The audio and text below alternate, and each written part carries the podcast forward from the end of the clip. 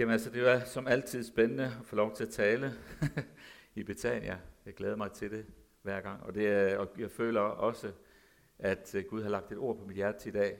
Jeg synes, øh, at, at Gud han er i gang med noget i blandt os, som er meget stærkt. Gud han virker i blandt os, og det er spændende at være vidne til at se, hvad Gud han arbejder med.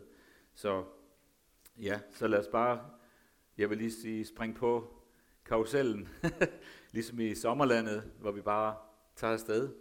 Så lad os springe på det, Gud han gør, og lad os, lad os følge med i det, han gør, fordi Gud har mange ting i gang, øh, også her blandt os. Og det, jeg har, har, har det, jeg gerne vil tale om i dag, øh, det har jeg givet titlen, at mine planer for jer er højere. Mine planer for jer er højere. Det er Gud, der siger det, og det skal vi lige komme tilbage til, hvor det står i Bibelen. Øh, dengang, at den nye menighed startede i Apostlenes Gerninger, der øh, skete der en masse ting, og vi læser i, øh, i Apostlenes Gerninger og senere hen i Paulus' breve, hvordan at, at øh, de havde travlt med at bygge Guds menighed. Der var virkelig gang i den. Øh, der var vækkelse, der var udvikling, der var mange, mange mennesker, der blev lagt til, og mange mennesker kom til tro, og der startede også nye menigheder rundt omkring i hele Mellemøsten. I Tyrkiet faktisk ligger der rigtig mange af de der gamle menigheder. Hvis man har været der på ferie, så kan man nogle gange komme forbi sådan nogle ruiner og nogle, øh, nogle øh, byer, sådan, hvor der har været kirker, hvor vi, vi simpelthen kan se øh, Paulus' breve.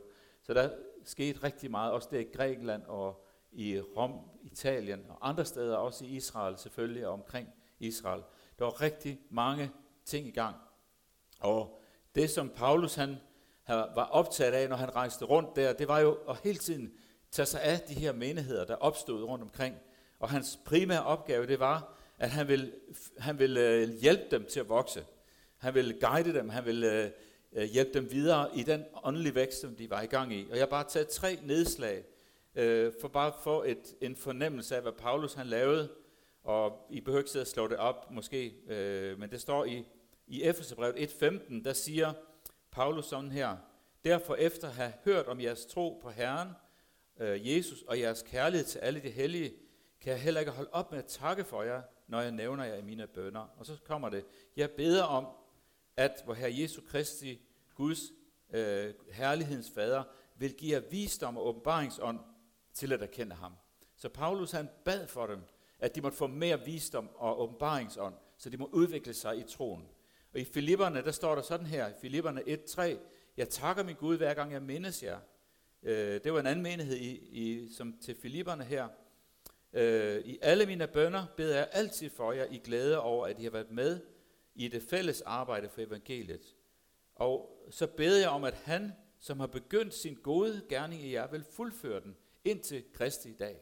Så han havde også det her øh, ønske for menigheden i øh, Filippi, Filippi, tror jeg det hed, at de måtte vokse, og at de må, den der gode gerning, som var begyndt i dem, at den må blive fuldført.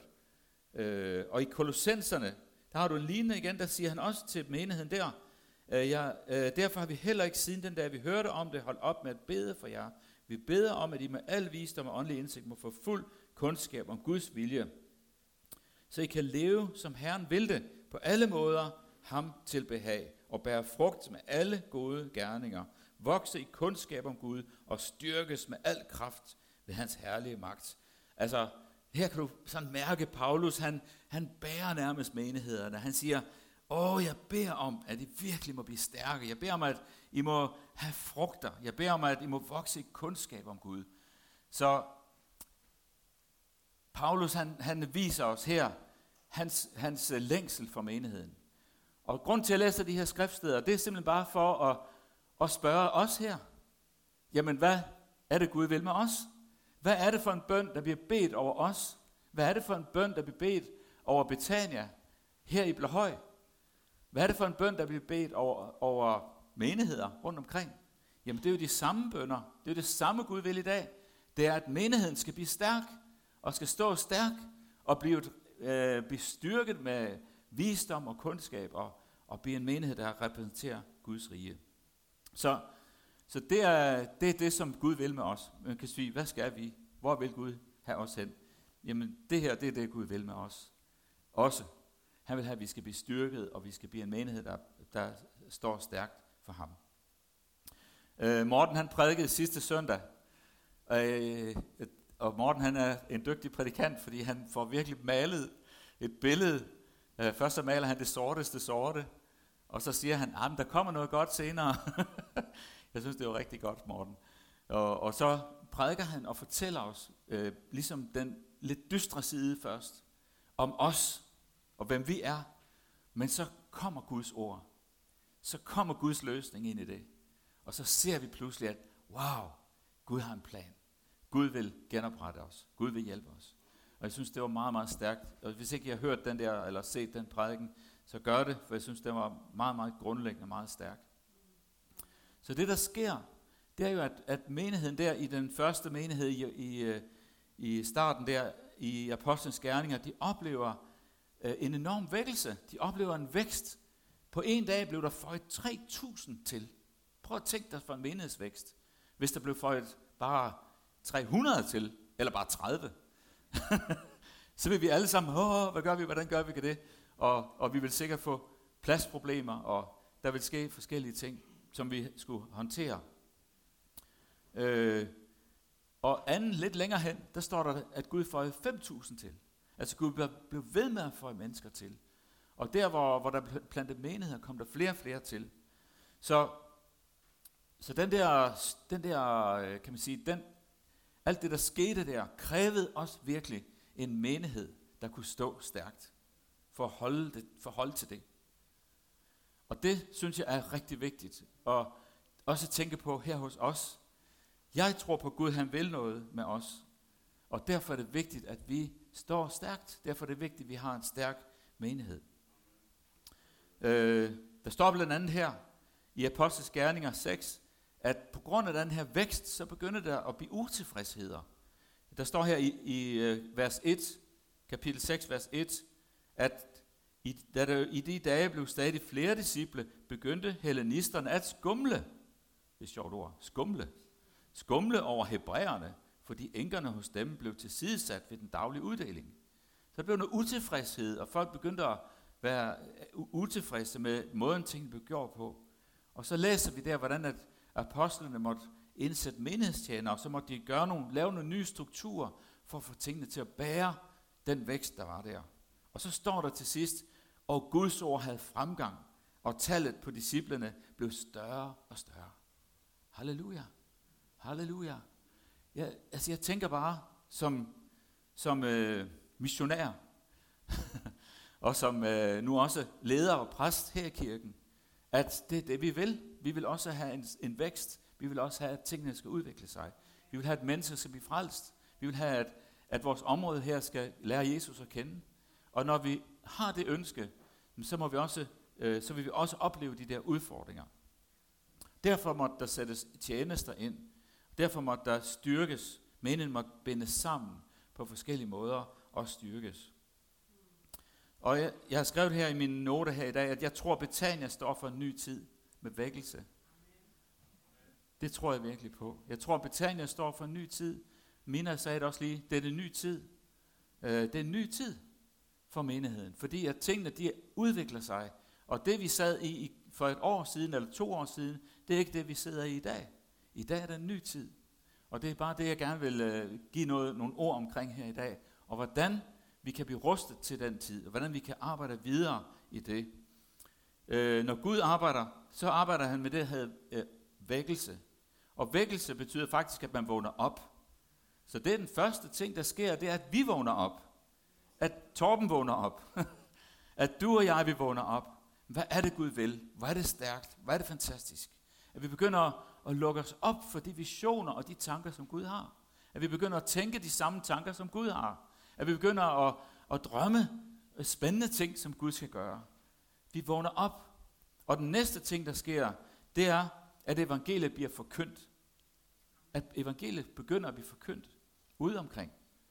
Og det tror jeg også, det kommer. Jeg tror, vi vil opleve begge dele, at vi både selv vågner op, men også at evangeliet begynder at blive forkyndt udadtil iblandt os og rundt omkring os.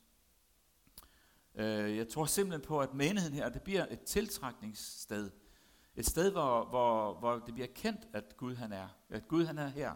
At Gud han virker iblandt os. Jeg tror også, at du bliver en tiltrækningskraft øh, personligt, hvor mennesker vil komme til dig og spørge, hvad er det, du har? Hvad er det, Gud gør? Eller hvad er det for noget, jeg har hørt om dig, at du er sådan og sådan. Hvad er det for noget? Jeg vil gerne vide noget mere. Og Gud han gør os til sådan en tiltrækningskraft, som mennesker kommer for at finde ud af, hvad er det, vi har. Og så skal vi være frimodige, og så skal vi fortælle dem om Jesus. At vi har Jesus. Vi har oplevet friheden fra synden. Vi har fået ny styrke og ny kraft fra ham. Så Gud har noget i gang. Det har han altså. Oh, jeg var så glad her den anden søndag, da vi døbte de her otte. Det var simpelthen en fest. Hold da op, mand. Det var fantastisk at få lov til at døbe otte. Uh, Sifred, han kom ind på mit kontor, og jeg sagde, der var også unge mænd iblandt dem. Ikke Sifred. der var nogle unge mænd, der vil tjene Herren. Amen. Wow, nogen der kan tage ved. Nogen der kan bygge. Både åndeligt og også fysisk hjælpe til med noget. Der var også kvinder, der var der. Der var unge og en lidt ældre. der var også plads. Der er plads til os alle sammen. Amen. Det er herligt, at vi kan følge Jesus. Det er herligt, at vi kan gå hele vejen med ham. Jeg kan huske, Inge Elise sagde på den video der, det var mit ønske, var du 8 år eller 10 år eller sådan noget, du sagde, det eneste hun ønskede, det var at gå hele vejen med Jesus. Halleluja. Og det har Inge Lise gjort hele livet. Hun går stadigvæk hele vejen med Jesus. Amen. Så vi skal blive ved, vi skal give os selv til Gud, og vi skal gå hele vejen med ham. Så kan der ikke andet end ske, at der kommer vækkelse. Halleluja. Øh, Esajas kapitel 55, vers 9, der siger øh, profeten sådan her, eller Gud taler gennem profeten til, øh, til Israels folk. Han siger nemlig de her ord, for jeres planer er ikke mine planer, og jeres veje er ikke mine, siger Herren.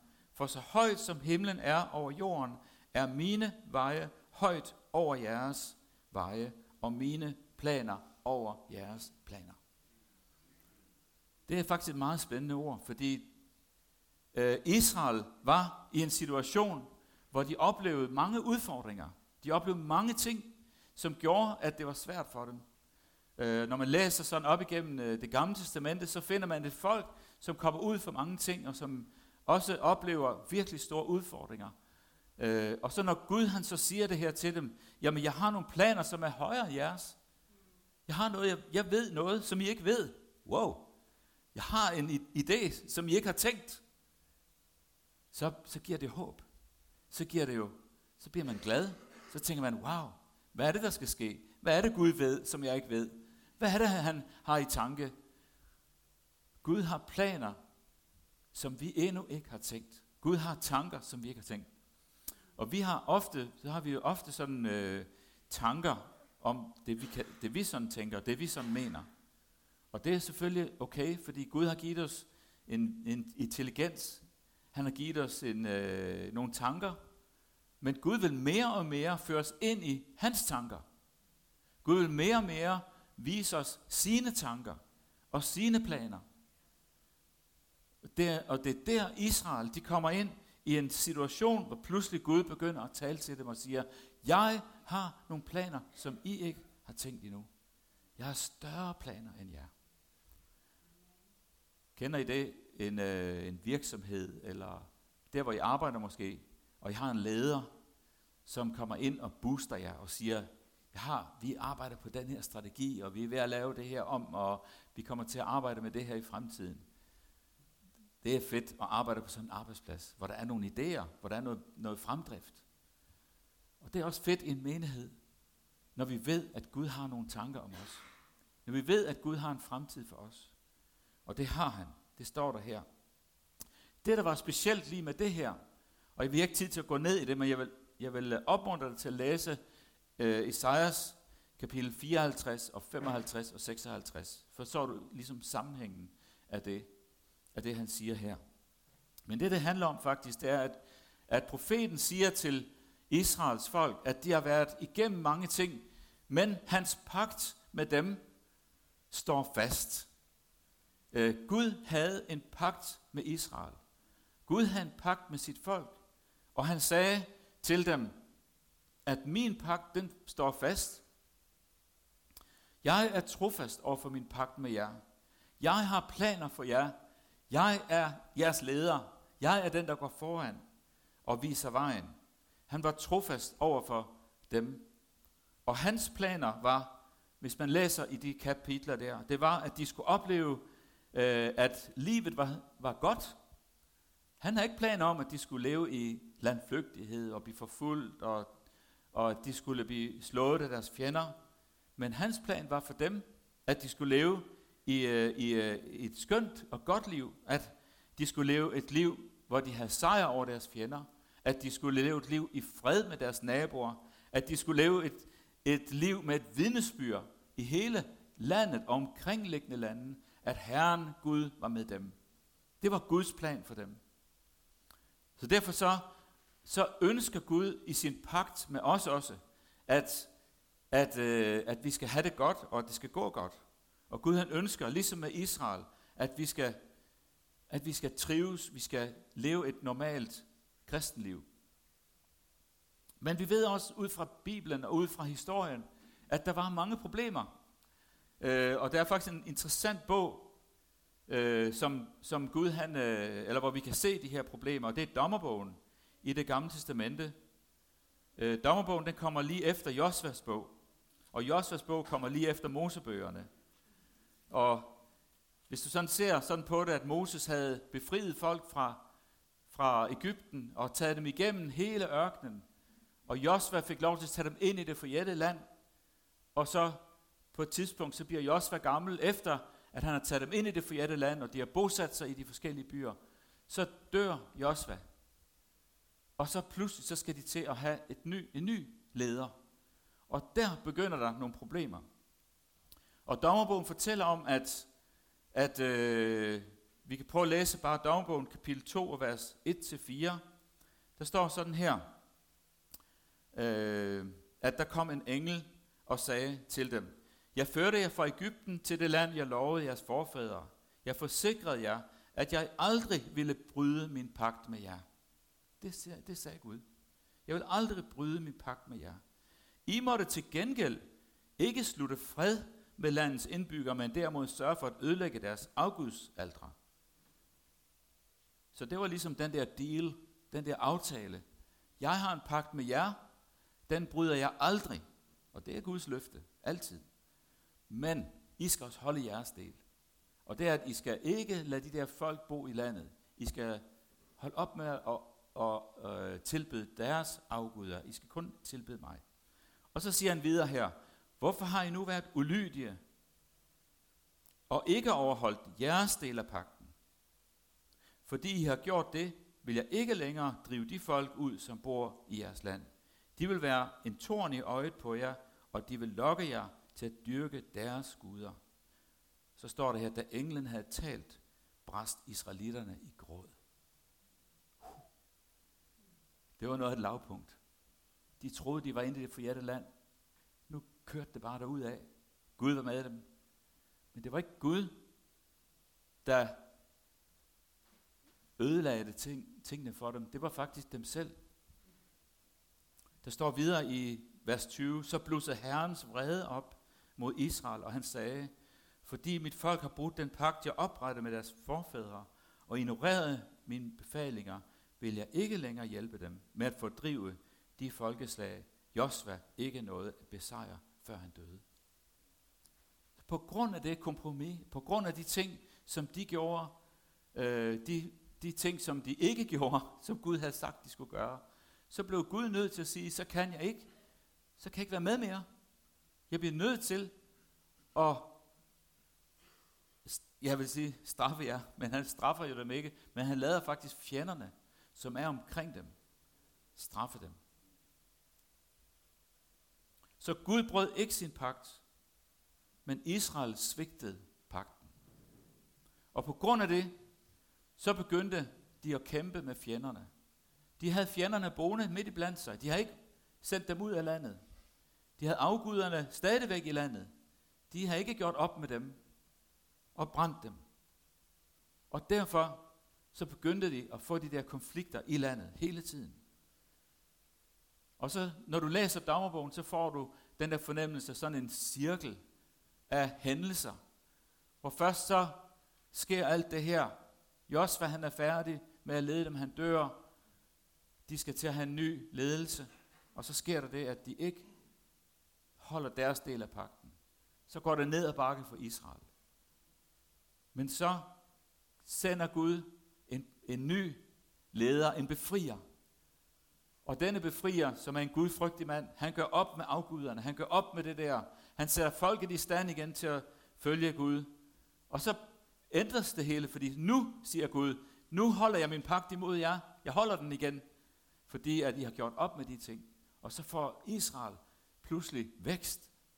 Og de får det, som pakten faktisk gik ud på. Men så sker det igen. Og når du læser dagbogen, så sker det igen og igen. Den samme cirkel, igen og igen, hvor de ryger ned og op, og ned og op. Afhængig af, hvordan de indviger sig for Gud. Afhængig af, hvordan de holder Guds pagt. Gud han tog dem til noget, han tilgav dem. Men så gik det ned ad bakke igen, fordi de gik ind på kompromis. Jeg synes, det er rigtig, rigtig vigtigt, det her. For os. Det er rigtig vigtigt for mig at have et stabilt, stærkt kristenliv. At have et stabilt, stærkt menighedsliv. Og hvis Israel kunne have set det, så havde de jo udryddet de der fjender, fået brændt de der afguder, og holdt sig helt til Herren, så havde, de, så havde pakten jo holdt. For Gud svigter ikke sin pagt, men de svigtede Gud. Jeg ved ikke, om du har oplevet personligt sådan nogle op- og nedture. Sådan nogle cykluser. Cirkler af, nu går det godt, nu går det skidt. nu går det godt for mig. Ej, hvor er det dejligt, og jeg kan mærke, det lysner nu. Åh, hvor godt. Og så oplever du måske et eller andet, der så kommer ind i dit liv, eller noget, der foregår, som så trækker dig tilbage i noget dårligt, og hvor du så igen mister Guds velsignelse. Jeg sad og snakkede med Dorit derhjemme, og sagde, vi sad og snakkede om, hvad er, hvad er det egentlig, der får det til at gå godt i vores liv? Hvad er det, der gør, at Gud velsigner? Det er det, vi skal have fat i. Hvad er det, der gør, at Gud holder sin pagt? Det er det, vi skal have fat i. Der er rigeligt, der vil trække den anden vej.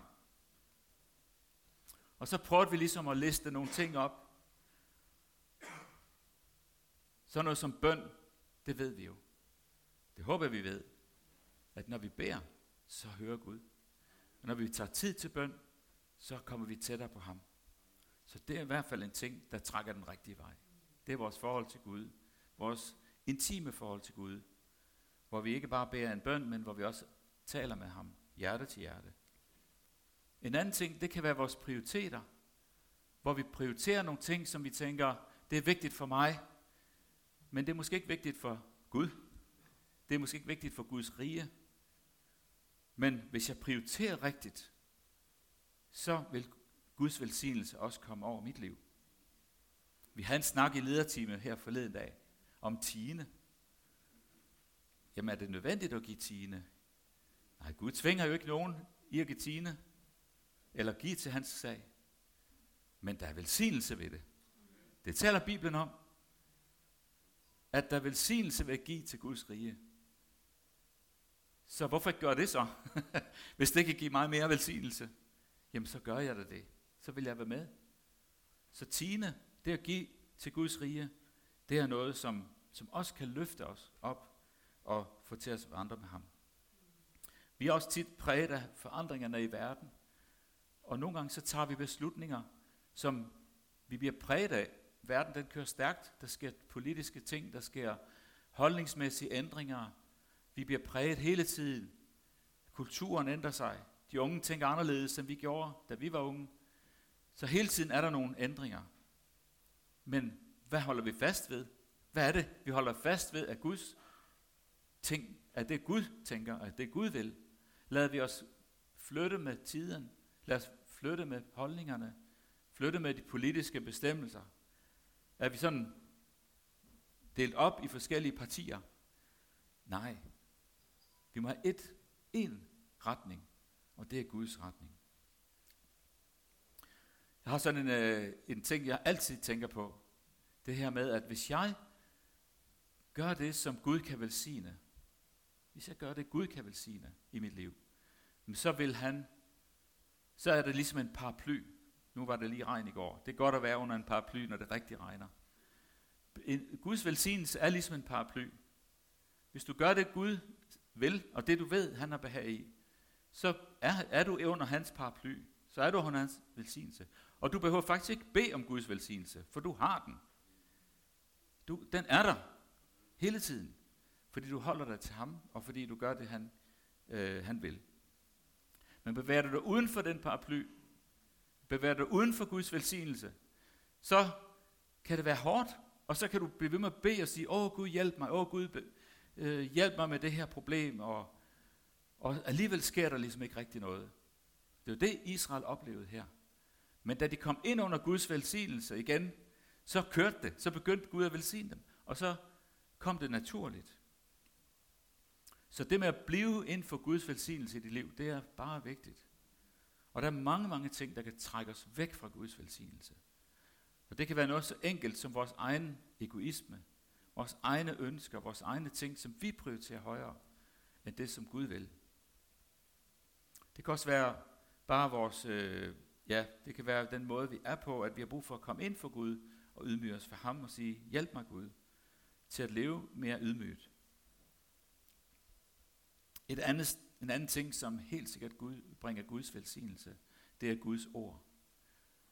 Jeg tager den til sidst i min række her, fordi det er tit, vi siger, vi skal bare bede og læse noget mere. Men det er ikke det, jeg mener. Guds ord som rettesnor, Guds ord som princip, Guds ord som det, som vi, som vi øh, indretter os efter, det giver Guds velsignelse. Det gør det. Det kan være øh, nogle ting, som vi kan læse i Bibelen. Jeg, Dorrit, hun spurgte mig, hvor kan vi læse om det hen? Så tænkte jeg på salme 119. 119 er den længste salme i Bibelen. Den har været 176 vers. Og hver eneste vers handler om Guds ord. Hver vers. Så bare start fra en ende af. Tag en hver dag. Sig, Herre, jeg vil følge det her. Jeg vil følge dit ord. Og der er nok til dig til lang, lang tid. Og når du er færdig, kan du begynde forfra. At følge Guds ord i dit liv, det er bare simpelthen det bedste, du kan gøre. Når du gør det, kommer du ind under Guds velsignelse, og Gud kan begynde at holde sin pagt for dig. Fjenderne bliver nødt til at opgive, fordi du er under Guds velsignelse og under Guds ord. Hvordan får vi så, hvordan kan vi få fremgang igen? Hvordan kan vi komme tilbage? Jo, vi bliver nødt til at rydde op nogle gange. Kender I det, når man øh, skal rydde op på loftet, eller, eller I skal flytte? I skal måske flytte til et andet hus, og så skal man til at rydde op. Jeg har lige flyttet for min mor og far. De boede jo øh, på 110 kvadratmeter. De skulle over i en 60 kvadratmeters lejlighed. Uh, det var hårdt. der var noget, der skulle smides ud jo, for det kunne ikke være der det hele. Det er umuligt. Vi prøvede at stable flyttekasser helt op til loftet. Men det, de var jo ikke, hvor skulle vi gå af alle de ting? Så mor og far må tage nogle svære beslutninger. Det der må vi give væk. Det der må vi smide ud. I kender det godt. Og sådan er det også i vores liv. Der er nogle ting nogle gange, vi, skal, vi bliver nødt til at få ryddet op i. Sige, nu tager jeg en ny standpunkt. Nu begynder jeg på en frisk. Nu beslutter jeg, jeg ændrer det her. Og når du gør det, så får du Guds velsignelse tilbage igen. I Bibelen læser vi også, at de byggede altrene op igen. De er simpelthen de, de der augustaltre, dem fjernede de, og så satte de Guds alter op igen. Og det, det taler meget om vores tilbedelse. Det taler om vores Guds forhold. Og der måtte de simpelthen fjerne de der aldre, og så få bygget de andre op. De måtte indføre Guds ord igen. De måtte indføre tilbedelse igen. Og alt det der gjorde, at nu kom de tilbage på sporet, og nu begyndte de at blive styrket. Det er ligesom en fitness. Hvis du vil have større muskler, bliver du nødt til at træne. Bliver du nødt til at lave noget, sådan at de muskler de begynder at vokse. De kommer ikke af sig selv. Der er nogle unge i dag, de har sådan nogle spaghettiarme. Har I hørt det? Sådan nogle spaghettiarme. hvis, du vil have, hvis du vil af med dine spaghettiarme, så skal du begynde at bruge dem til noget. Fæld nogle træer eller et eller andet. Løft nogle biler.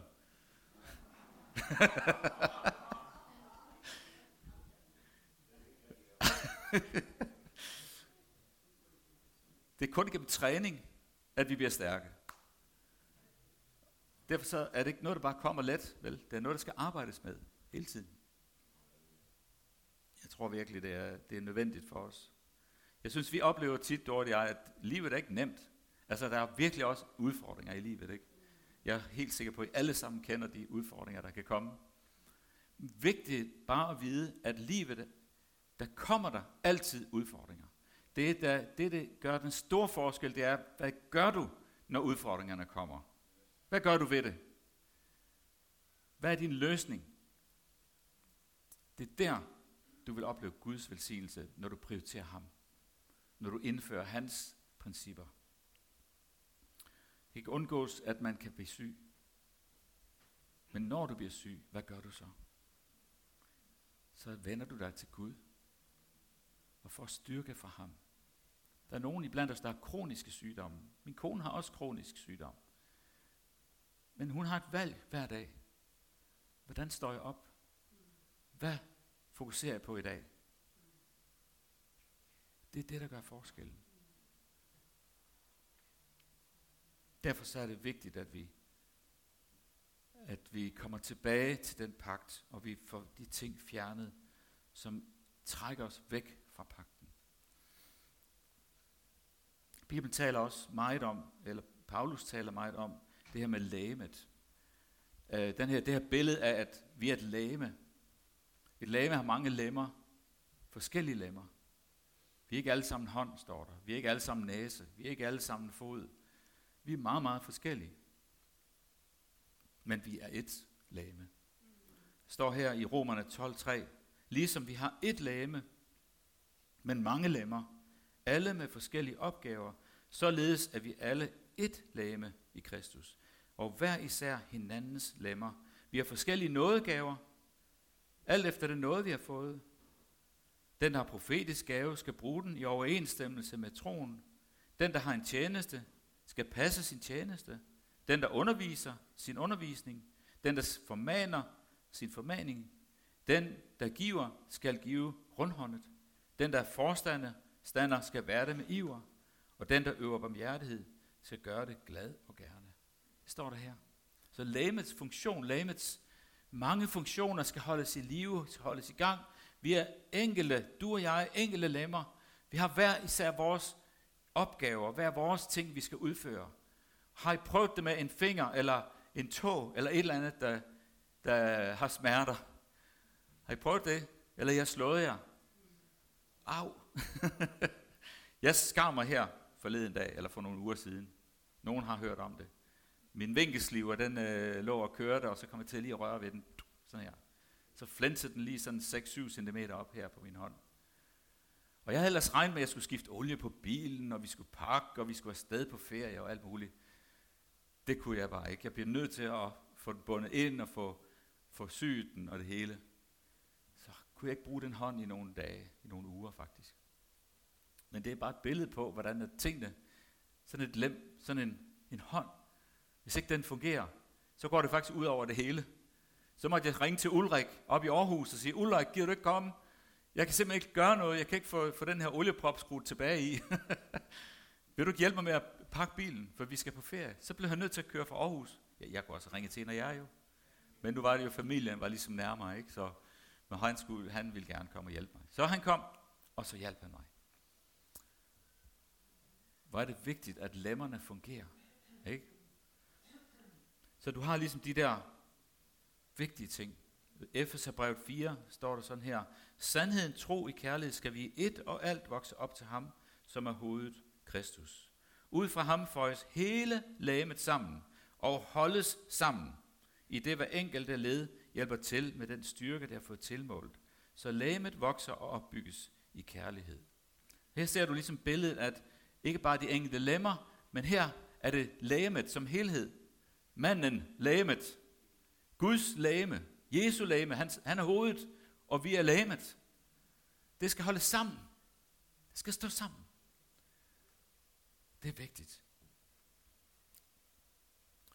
Det er rigtig meget beder om for os her, det er jo, at vi må opleve det her, med at vi oplever, at hvis vi skal ind i den fremtid, Gud han har for os, han har planer, han har tanker, som han har for os, for dig og mig, enkeltvis, men også for os som fællesskab, som enhed, Jamen så skal vi styrke det svage, vi skal sætte os sammen, vi skal få den her mand, den her menighed, til at stå op igen og til at vandre fremad, sådan som Gud har tænkt. Vi skal af med det, som hindrer og det, som gør os svage, og så skal vi hen og få fat i det, som, hvor vi får Guds pagt tilbage igen.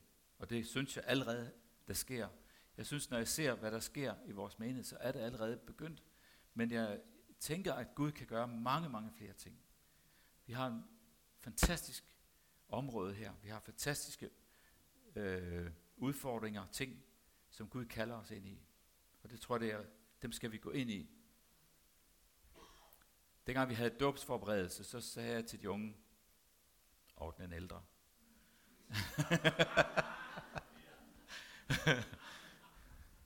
at nu når I er døbt og har taget den beslutning og sagt ja til Jesus, så er det næste skridt jo, det er at tjene ham. Det næste skridt. Det er jo ikke slut nu, vel? Fordi man er blevet døbt, så er det slut. Men det er jo begyndelsen på en ny tjeneste, en nyt liv med Gud. Så det vi talte om, det var at finde sin plads i lamet, begynde at tage ansvar, begynde at udvikle sin tjeneste, begynde at finde ud af, hvad vil du med mig, Gud? Hvor skal jeg gå hen? Hvad skal jeg gøre? Og så er menigheden jo det sted, hvor man trives, og hvor man er, hvor man kan få lov til at være øh, sammen som familie. Og nu har vi lige øh, bedt for Jesse. Og sådan på den måde er man med til at styrke hinanden, men også nogle gange at, at sætte nogen ind i en tjeneste, eller sende dem afsted. Så Gud han gør noget. Gud vil gøre noget. Og det tror jeg, det er bare fantastisk stærkt. Øh, Gud han sagde det her til Josva, og til dem, som var der det nye, i det nye land. Det at de skulle indtage landet, de skulle underlægge sig fjenderne, de skulle bortskaffe afguderne, og de skal bosætte sig i byerne. Det var sådan en strategisk plan. Indtag landet. Underlæg jer fjenderne. Ja? Bortskaf afguderne. Bosæt jer i byerne. Det vil vi også gøre. Det vil vi også gøre. Amen. Vi vil også ind i den pagt. Vi vil også ind i det, Gud er i gang med at gøre for os. Gud har højere tanker for os, end vi selv har tænkt. Og jeg tror, vi vil opleve det, både nu og i de kommende, den kommende tid, den kommende år. Lige der vil opleve, at Gud han begynder at arbejde på en stærkere og stærkere måde. Vi vil se flere og flere mennesker komme til tro. Vi vil blive en tiltrækningskraft. Du vil blive en tiltrækningskraft. Og tingene begynder at ske omkring os.